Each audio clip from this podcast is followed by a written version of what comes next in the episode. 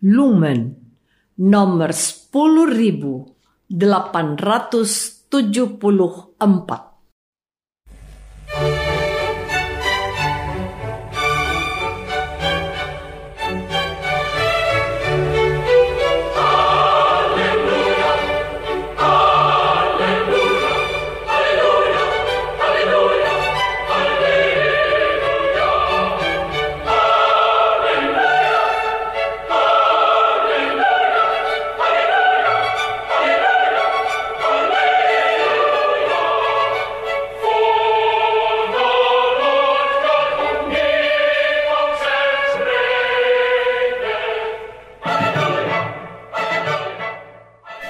Saudara pendengar di segenap penjuru tanah air, selamat bergabung dengan Lumen Indonesia. Lumen Indonesia siap melayani Anda setiap hari. Saudara terkasih, marilah kita bersatu dalam Tuhan kita Yesus Kristus yang tidak berubah dahulu, sekarang, dan selama-lamanya. Allah Sang Maha Rahim mengasihi dan menerima sebagaimana adanya kita Allah Bapa kita di surga senantiasa bersedia menolong, menghibur, dan meneguhkan kita dalam menghadapi segala permasalahan hidup sehari-hari.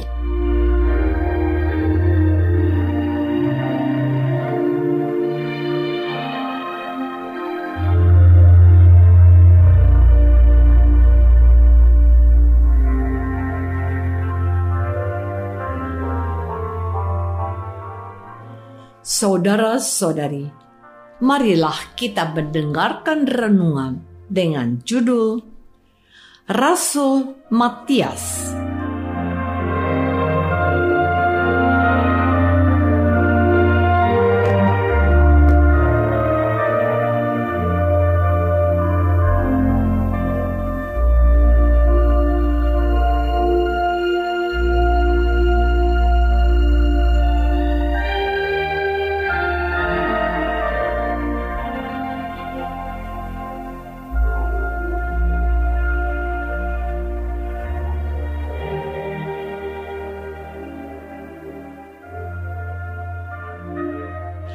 Yang berdasarkan pada Injil Yohanes bab 15 ayat 16. Bukan kamu yang memilih aku, tetapi akulah yang memilih kamu. Dan aku telah menetapkan kamu supaya kamu pergi dan menghasilkan buah dan buahmu itu tetap supaya apa yang kamu minta kepada Bapa dalam namaku diberikannya kepadamu.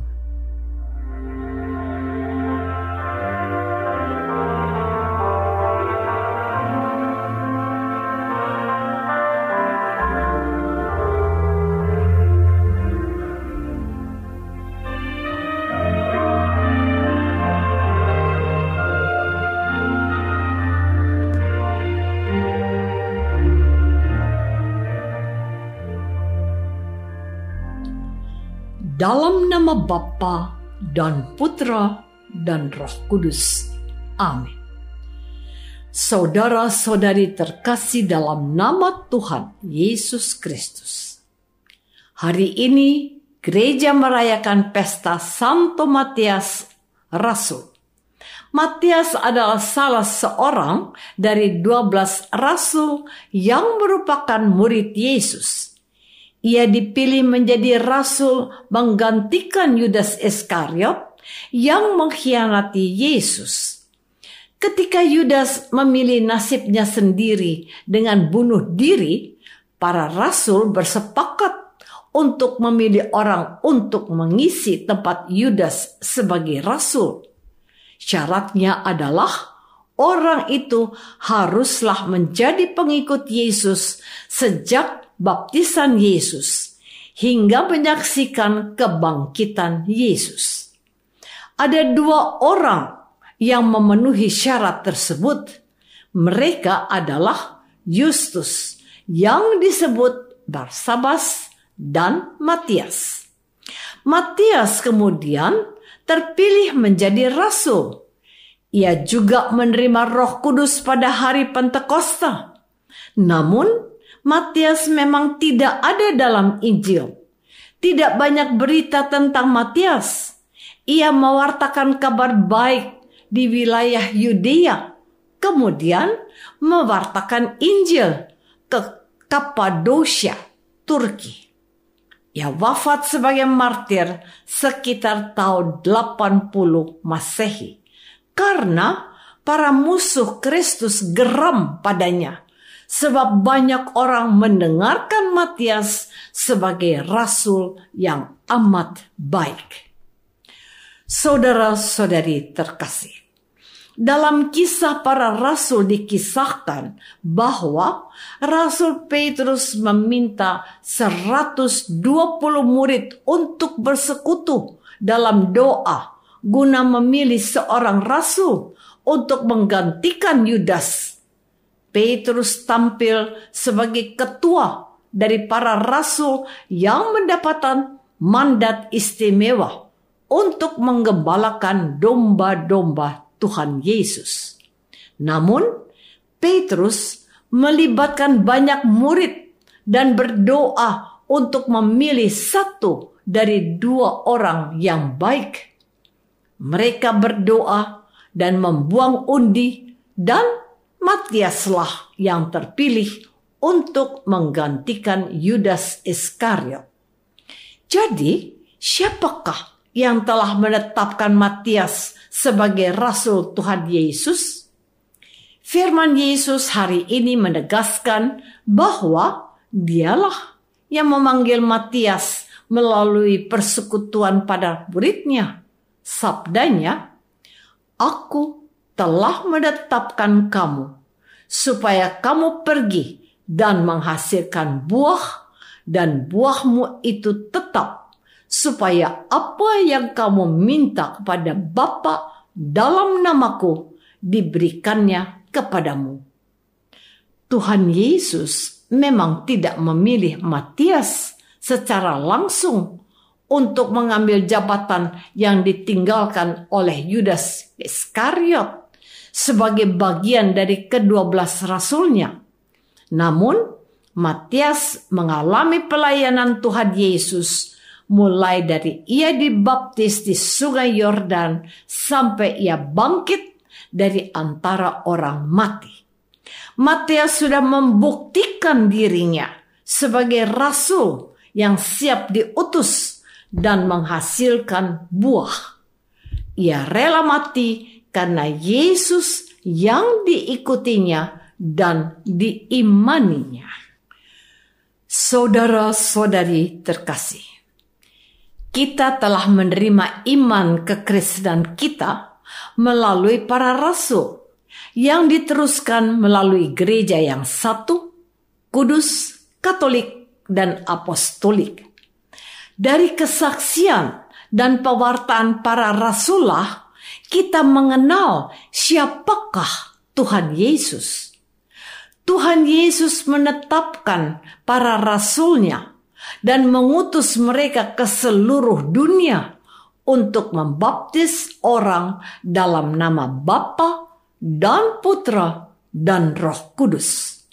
Matias yang terakhir dipilih menjadi bagian dari 12 rasul telah membuktikan dirinya sebagai orang pilihan Tuhan Yesus sendiri. Dengan semangat dan penuh kegigihan, ia mewartakan kabar gembira Kristus yang menghendaki semua orang diselamatkannya. Matias pergi meninggalkan Yudea dan Yerusalem dan mewartakan Injil ke Kapadokia, Turki. Ia mewartakan kepada mereka bahwa Yesuslah anak Allah yang hidup dan juru selamat dunia. Matias diperkirakan adalah salah seorang dari 70 orang yang diutus oleh Tuhan Yesus untuk pergi mendahuluinya ke kota-kota yang akan dikunjunginya berdua-dua. Santo Matias dihormati juga dihormati oleh gereja Ortodoks Timur, gereja Anglikan, dan gereja Lutheran. Matias dikenal sebagai rasul dan martir yang wafat karena imannya kepada Yesus. Itulah sebabnya dalam seni kekristenan ia digambarkan dengan kapak perang. Dengan kapak ia dipenggal dan menjadi martir Kristus. Saudara-saudari terkasih, meskipun Matias tidak dipilih langsung oleh Tuhan Yesus, namun dia telah ditetapkan menjadi rasulnya melalui persekutuan gereja yang dipimpin oleh Petrus. Matias telah dijadikan rasul Kristus. Bukan Matias yang memilih Yesus, tetapi Yesuslah yang menetapkan Matias sebagai rasulnya. Demikian pula, bukan kita yang memilih Tuhan Yesus, tetapi Tuhan Yesuslah yang memilih kita menjadi pengikutnya. Tuhan mau agar kita seperti para rasul dan juga Matias untuk pergi dan menghasilkan buah dan buahmu itu tetap supaya apa yang kamu minta kepada Bapa dalam namaku diberikannya kepadamu. Pada hari ini, kita diingatkan kembali akan tugas kita sebagai orang-orang yang dipanggil oleh Tuhan Yesus untuk menghasilkan buah. Itulah yang dikatakannya ketika ia menjelaskan tentang pokok anggur yang benar. Yesuslah pokok anggur itu. Bapaknya adalah pengusahanya. Kita adalah ranting-rantingnya. Ranting-ranting itu harus melekat pada Yesus dan menghasilkan buah. Sebab di luar aku kamu tidak dapat berbuat apa-apa firmannya.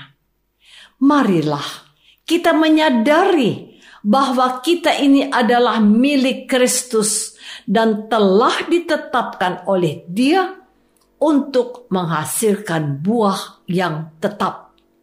Dalam persekutuan dengan Yesus, kita menantikan dari Bapa yang empunya pokok anggur pengabulan akan apa saja yang kita nantikan dari Bapaknya. Marilah kita meneladan Santo Matias untuk pergi dan mewartakan kebaikan Allah ke mana pun kita berada dan diutus, agar semakin banyak orang mengenal Bapa yang Maha Murah.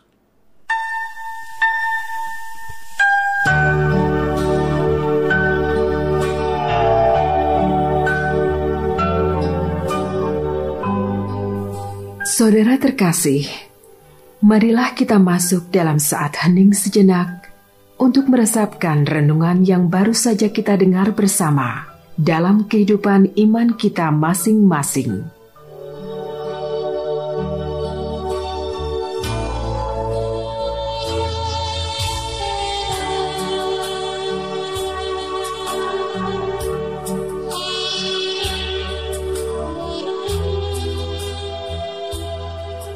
Apakah aku menyadari bahwa Yesus memilih aku untuk diutus menjadi saksinya? Apakah sudah berusaha untuk menghasilkan buah-buah kasih untuk sesamaku? Marilah kita berdoa. Bapa yang maha baik, Matias telah ditambahkan untuk melengkapi persekutuan 12 rasul. Pakailah kami sebagai alatmu untuk memberitakan kasih Kristus dan menghasilkan buah kasih bagi sesama kami. Demi Kristus, Tuhan kami. Amin. Semoga kita semua selalu dinaungi dan dibimbing oleh berkat Allah yang Maha Kuasa, Bapa dan Putra dan Roh Kudus. Amin.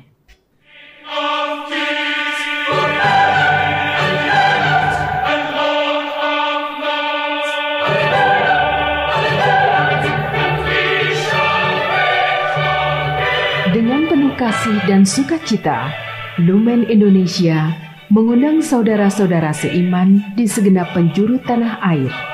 Sekiranya ada tanggapan ataupun saran, kirimkan surat Anda ke Lumen Indonesia. Terima kasih atas perhatian Anda. Sampai berjumpa lagi dengan Lumen Indonesia pada waktu dan gelombang yang sama esok hari.